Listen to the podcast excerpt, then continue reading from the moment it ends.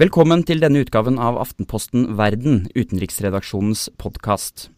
Denne uken skal vi snakke om fremveksten til de mange innvandringskritiske partiene på høyresida i Europa. Med meg for å snakke om dette har jeg europakorrespondent Øystein Langberg i Brussel og utenriksjournalist Ingrid Brekke i Berlin. Mitt navn er Tarjei Kramviken.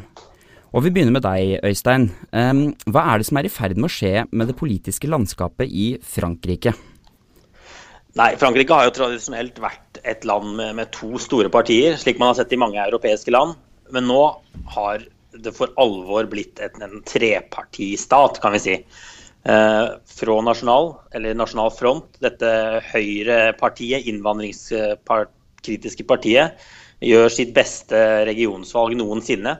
De ble faktisk aller største parti med 29% av stemmene forrige søndag.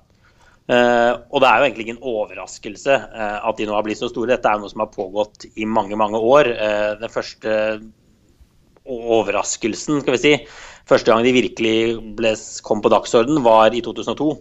Da faren til Marine Le Pen, Jean-Marie Le Pen, kom til den andre runden i presidentvalget. Men denne gangen er det altså regionene som gjelder. Frankrike har 13 fastlandsregioner, og Front National ble størst i seks av dem.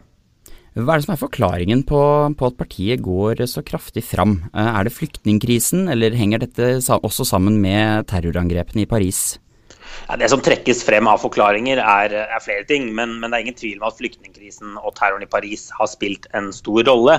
Hvis man ser på, på oppslutningen på meningsmålinger for bare et halvt år siden, så var de betydelig mindre. De var ikke størst parti, da hadde de 22 um, ehm, Så det er ingen tvil om at det har, det har spilt en rolle. Men, eh, men, eh, Marine Le Pen har ikke trengt å gjøre så veldig mye for å dra nytte av, av disse mm, hendelsene. Hun har kunnet sitte ganske stille i båten eh, og sett oppslutningen bare vokse. I Tyskland, Ingrid Brekke, det andre store landet i, i EU, er det en lignende situasjon som er i ferd med å utspille seg der? Nei, det vil jeg på ingen måte si. Altså, det er vel ikke noe land i Europa hvor, hvor høyrepopulister og ekstreme høyre har vært så mm, betydningsløst som i Tyskland etter krigen. Men vi ser en forandring, og vi ser at uh, Merkels, uh, Angela Merkels flyktningepolitikk, som bl.a. innebærer at hun fortsatt ikke vil si en, gi et tall på hvor mange flyktninger Tyskland faktisk kan ta imot. Hittil har de tatt imot én million i år. Eh, den har jo skapt veldig mye motbør, både inni hennes eget parti og fra eh, partiet i Bayern, søsterpartiet som regnes som litt lenger til høyre. Og så har vi da sett at dette alternativet for Deutschland, som er et, et litt sånn nytt lite populistparti, har vokst. Og de fikk en rekordoppslutning på 10,5% på én meningsmåling i forrige måned, mens de fleste andre viser dem på sånn 8-9. Eh, men det er jo nytt i, eh, i eh, Tyskland at de er såpass store. Men vi får se, de er nye, og det kan jo Ja, det går opp og ned. Går, mye er jo avhengig av hva som utvikler seg videre. Hvordan Merkel viderefører sin flyktningepolitikk. Men det er klart man også her ser et økt press fra ytre høyre. Eh, på mange måter. Mm. Vi har jo sett disse store Pegida-demonstrasjonene også. Er dette uttrykk for noe som um, har stor oppslutning i folkedypet, eller er det snakk om en liten gruppe som får mye oppmerksomhet? Altså Med Pegida så tror jeg det er mer det at det er en liten gruppe som får mye oppmerksomhet. Altså De, de virker veldig skremmende på tyskere flest. Eh, fordi de er så veldig harde og så tydelig fremmedfiendtlige, og de bruker et språk som eh, som tyskerne har veldig tungt for. Blant annet uh, har de jo hatt sånn galga i demonstrasjoner med navnet til Merkel og visekansler Sigmar Gabriel på og sånn, og det faller virkelig ikke i god jord. Og de er jo også bare noen tusen her og noen tusen der, men det er klart at de er uttrykk for noe, det er de kanskje. Men det er mer dette alternativet for Deutschland, som egentlig begynte mer som et sånn anti-europarti, men som har gjennomgått en del forandringer og nå har blitt mer innvandringskritiske. Det er mer det som er kanskje mer sånn innafor hva en del tyskere kanskje kunne tenke seg å, å stemme på. Ja, Det er interessant. interessant det, altså, jeg, jeg, har snakket med noen forskere til disse sakene vi nå har laget om, om denne høyrepopulistiske fremveksten. Og De sier at uh, tidligere har vi ofte spurt oss hvorfor disse partiene er blitt så store som de er. Men når de ser på folks holdninger, f.eks. til innvandring, globalisering, den type ting, Så har det vært riktigere å spørre hvorfor de ikke har vært større. Disse partiene, altså de, de, mest kjente er vel da Nasjonal Front i Frankrike og kanskje også Gert Wilders Parti for frihet i Nederland. Eh, men hva er det disse partiene egentlig har felles? Nei, altså Dette er en sekkepost med mye rart. og, og, og det er nok, eh, Man kan jo skjønne at f.eks. partier som Dansk Folkeparti og Fremskrittspartiet overhodet ikke liker å bli plassert sammen med, sammen med disse andre. Ofte så inkluderer man jo også i sånne oversikter f.eks. Eh, Gyllent daggry i, i, eh, Hellas, som jo er noe helt annet. Eh, voldelige høyreekstremister. Men, men det i hvert fall fagpersoner sier at de har til felles, er egentlig hovedsakelig tre ting. Det er en, innvandringskritisk holdning og et ønske om økende sikkerhet. Det kan gjerne bety at nasjonalstaten bør komme tilbake. I tillegg har alle partiene en sterk eliteforakt. Det kan være for, for, mediene, det kan være for kultureliten, det kan være for den politiske eliten, som Nasjonal Front eh, er et kjempegodt eksempel på, eller eliten i Brussel. Eh, og veldig mange av disse partiene bindes jo også sammen av, av en veldig sterk EU-skepsis. Og Da kan vi også inkludere UKIP i, um, i Storbritannia. Hvordan denne innvandringskritikken og, og, skepsisen til EU, hvordan er forholdet mellom de to elementene? De, de, spiller jo definitivt på lag. Eh, det er nok eh, en del av disse partiene som argumenterer for at de ikke hadde vært oppi de problemene de hadde hatt hvis de hadde hatt eh, egne grenser som de hadde kontrollert selv. Og Da er det nok ingen tvil om at de tjener mye på, mye på det. Og viser til at Brussel ikke klarer å, å, løse det her, og at, at løsningen rett og slett er å droppe Schengen og, og returnere til nasjonalstatene. Det kan man jo også se i i eh, Polen. Da, altså hvordan man I denne oversikten over fremveksten av, eh, av eh, ytre høyre i Europa, så hører jo også den nye regjeringa i Polen med. altså det Lov- og rettferdighetspartiet, forkorta PiS. Men de, de er jo et helt annet type parti, og de ble jo også stemt fram egentlig ikke de ble jo egentlig ikke stemt fram pga. innvandrerfiendtlighet eller fremmedfiendtlighet. De ble stemt fram som et protestparti eh, mot en regjering som hadde sittet ved makta i, i eh, to perioder, og som nettopp som Øystein sa, altså denne eliteforakten var veldig synlig i det valget. Og Samtidig kom jo flyktningkrisen midt under den polske valgkampen, så det, det spissa jo for så vidt det til. Men, men eh, jeg tror jo ikke at det at PiS kom til makta, egentlig betyr at befolkninga i Polen har blitt mer fremmedfiendtlig. Dette vil jo vise seg, da, men, men, i hvert enkelt land så er jo fremveksten av disse partiene um, skyldes ofte litt ulike ting. altså Det er veldig vanskelig å sammenligne ordentlig. Mm. Eh, Lov- og rettferdighetspartiet har jo også mm, eh, vært i regjering i Polen tidligere. Eh, og i Ungarn der har Viktor Urban og Fides sittet ved makten lenge. Hva er det som egentlig skjer når disse partiene inntar regjeringskontorene? Altså I Ungarn så har det jo vært en helt ekstrem utvikling. Altså Han kom jo til makta i 2010. Orban og Fides, og de hadde jo absolutt flertall. og De begynte jo med, og de forandra jo hele grunnloven. Eh, de gikk til harde angrep på, på medieverdenen og har klart å liksom strømlinjeforme store deler av media til, til, til sitt for, formål. Eh, de har forandra valglov, eh, de har bytta ut dommere, bytta ut uh, sjefen for sentralbanken, Grep inn i egentlig alle nivåer av samfunnet, forandra skolene. altså Gjort helt utrolig mye. da, Og sentralisert makt. Uh, og dette er jo mest av alt kanskje en slags uh, med formål å beholde makta på egne hender. Og, og, og, i Ungarn finnes jo knapt noe ordentlig opposisjon. Altså, Ungarn er et helt sånt ekstremt tilfelle. og de har jo fått, Fides har jo fått enda mer vann på mølla etter flyktningkrisen, når han kunne vise sitt, når Orban kunne vise sitt folk hvor tøff han var og bygde disse piggtrådgjerdene, hvordan han står imot Brussel hvordan han står imot Merkel. Eh, så får han jo enda mer vann på mølla. Og, og Jobbik, det som virkelig er det høyreekstreme partiet, de har jo nå tapt eh, på meningsmålingene fordi Fides har spist seg inn på deres eh, eh, område enda mer enn før. Men også kan man jo si at Fides og PiS i Polen er veldig like partier. Og PiS, eh, eh, Jaroslav Kaczynski, som er leder for eh, for PiS i Polen. Han har jo også sett opp til Orban og gitt uttrykk for at dette er en utvikling han gjerne ville ha sett. Men samtidig så er Polen et stort og relativt rikt og mektig land, i motsetning til lille, fattige Ungarn. Og de er mye mer knytta eh, til Europa. Eh, så jeg tror ikke vi vil få se en like skremmende utvikling i Polen som vi har sett i Ungarn. Men det er ting på gang der også. Magasinet The Economist kaller jo det som har skjedd i Polen etter valget for, for, vandalisme. De har jo hatt tendenser. Det har vært noe i konstitusjonsdomstolen der bl.a. for det har vært bytta ut noen dommere like etter valget. Det har vært noen sånne litt dårlige tegn i starten. Det som er mest skremmende, det, det, er kanskje nettopp det hvordan eh, liberale verdier er under angrep på veldig forskjellige måter i forskjellige land. Eh, men det som vi er vant til å tenke på som liksom eh,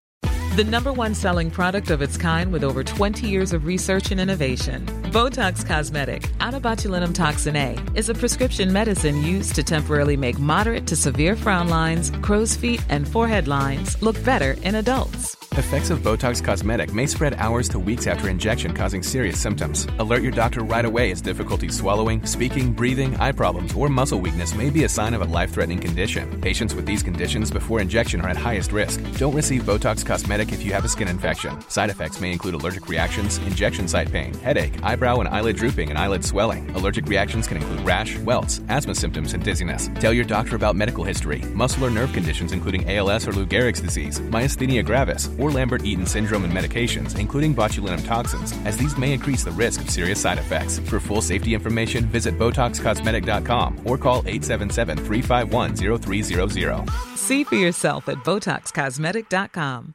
Introducing Wondersuite from Bluehost.com.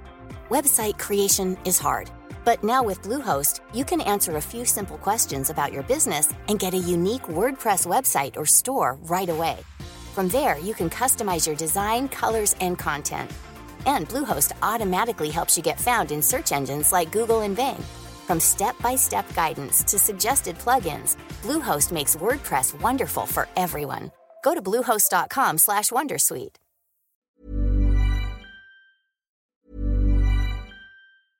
Introducing Wondersuite from bluehost.com. Website creation is hard but now with Bluehost, you can answer a few simple questions about your business and get a unique WordPress website or store right away. From there, you can customize your design, colors, and content. And Bluehost automatically helps you get found in search engines like Google and Bing. From step-by-step guidance to suggested plugins, Bluehost makes WordPress wonderful for everyone. Go to bluehost.com/wondersuite. uh, våre verdier og alt, alt, fra likestilling til uh, at også homofile skal ha samme rettigheter som andre. Altså, typisk sånne moderne vestlige verdier, de er det virker det som stadig flere overhodet ikke er interessert i, og man vil tilbake til mer autoritære strukturer med sterke ledere. Hvis man ser på Front National, f.eks.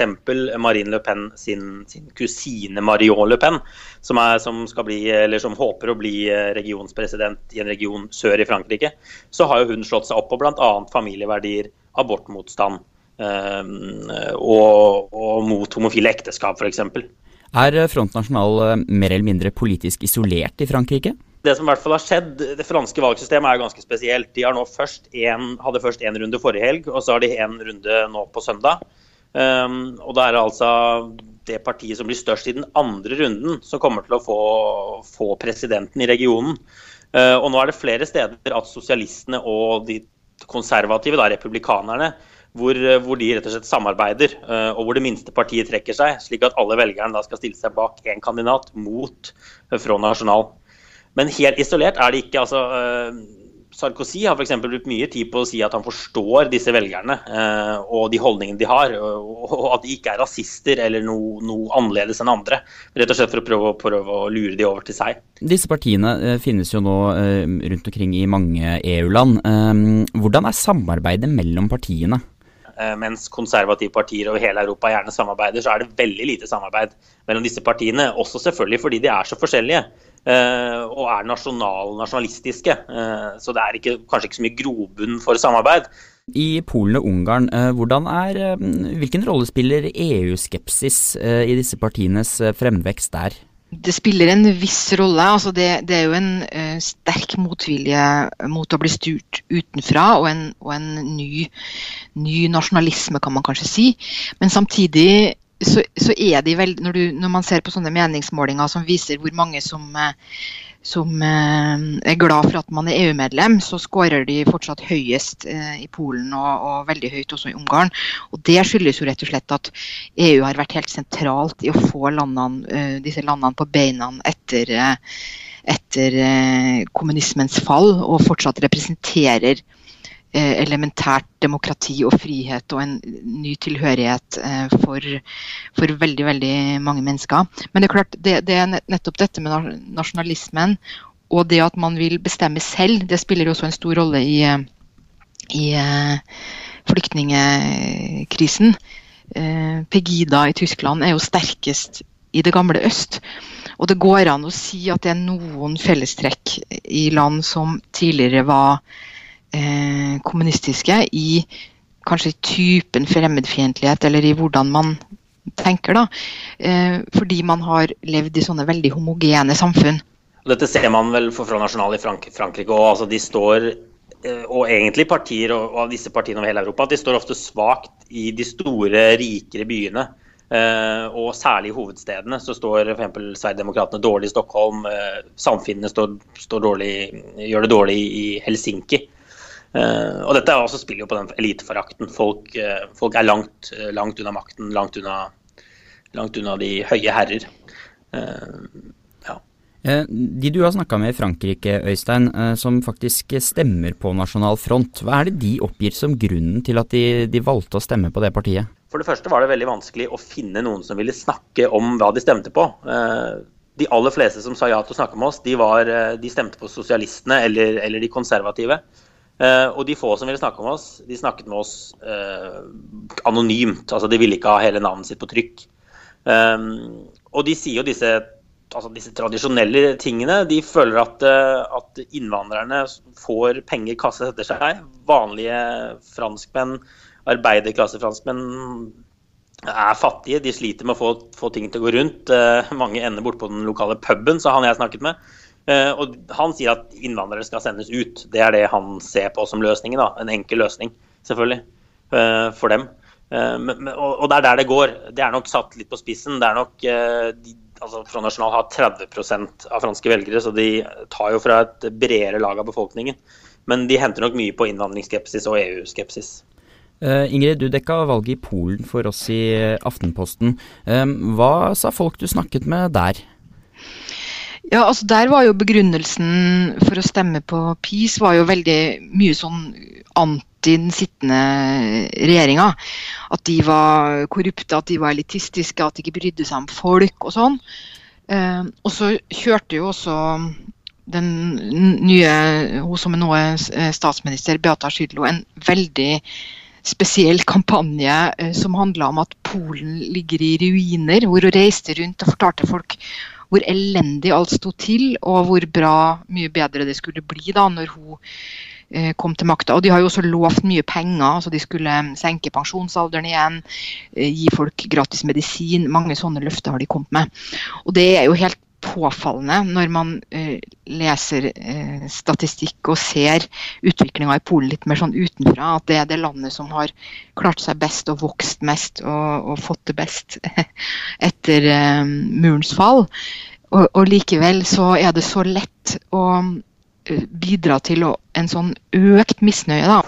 Det lover virkelig ikke godt for, for EU-prosjektet at det er mulig av alle land i Europa, i Polen å, å, vinne på, på, den type retorikk. Øystein, i, i, Frankrike så er det jo nå, nå er det jo regionvalg. Eh, men i 2017 da er det nytt presidentvalg. Eh, Francois Hollande er fortsatt en veldig upopulær eh, fransk president. Er det noen grunn til å tro at Marine Le Pen i Nasjonal Front er noe nærmere Élysée-palasset og presidentembetet nå enn hun har vært tidligere? Foreløpig vil jeg si nei. Eh, det ser ikke ut som hun kan bli president i 2017.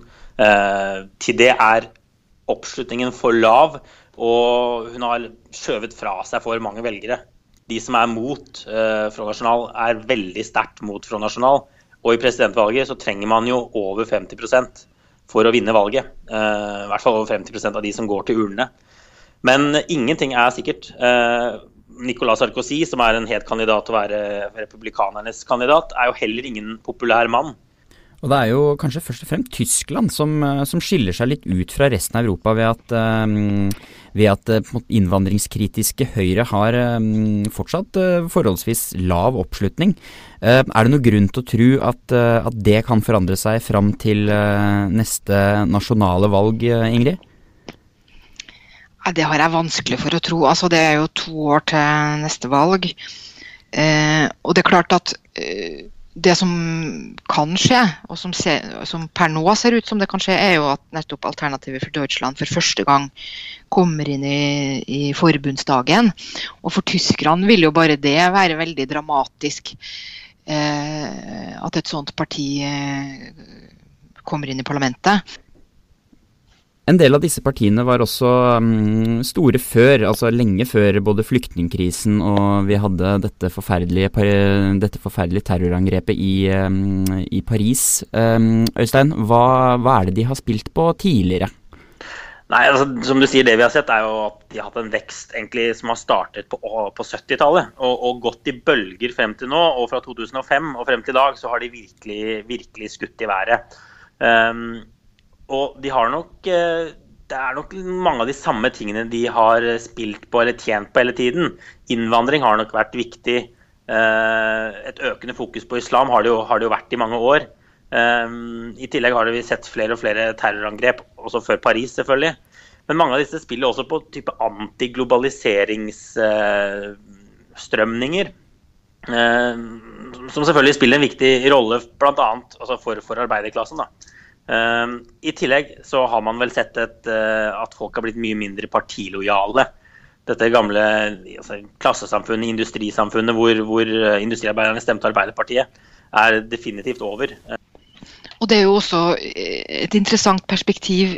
Hvorfor har ikke venstresida klart å fange opp sånn folkelig misnøye i forskjellige land? Og, og og der har du en ting i Vesten hvor det også er et uh, problem. altså Sosialdemokratene svekkes vel i, flere land, og venstresida sliter med nettopp de som før var deres eh, uh, trofaste velgere, arbeiderklassen og, og, de fattigste. Mens i, Polen og Ungarn så har du, annen, så har du et annet fenomen, eller, nemlig at det ikke finnes noen ordentlig venstreside. og det skyldes jo kommunistfortida, så det er liksom andre grunner, da, men de har ikke noe som som de opp heller, eh, fra den sida. En grunn til det kan jo være at venstrepartiene, eh, de sosialdemokratiske partiene, rett og slett sliter med å takle f.eks. innvandringsspørsmålet. Det splitter de veldig fra, fra, de som mener eh, at man selvfølgelig må ta imot mot de som kommer, og vise solidaritet, til de som, til de som sier at dette her går utover, utover f.eks lønninger til de som har, har lavest utdannelse, da, når de får mye, mye mer konkurranse fra, fra innvandring. Og, og, Da er det vanskelig å finne en forenende posisjon. og Da er det lett for et annet parti å ta hele, hele velgermassen og ta hele spørsmålet. Og med det så nærmer Aftenposten Verden seg slutten for denne uka. Takk til europakorrespondent Øystein Langberg fra Brussel og utenriksjournalist Ingrid Brekke, som var med oss fra Berlin. Eh, Aftenposten Verden er tilbake med en eh, ny utgave om en uke. I mellomtiden så kan du selvfølgelig kose deg med all vår utenriksjournalistikk her i Aftenposten. Vi er til stede på de aller fleste plattformer, aftenposten.no eller i en postkasse nær deg. Mitt navn er Tarjei Kramviken. Takk for nå.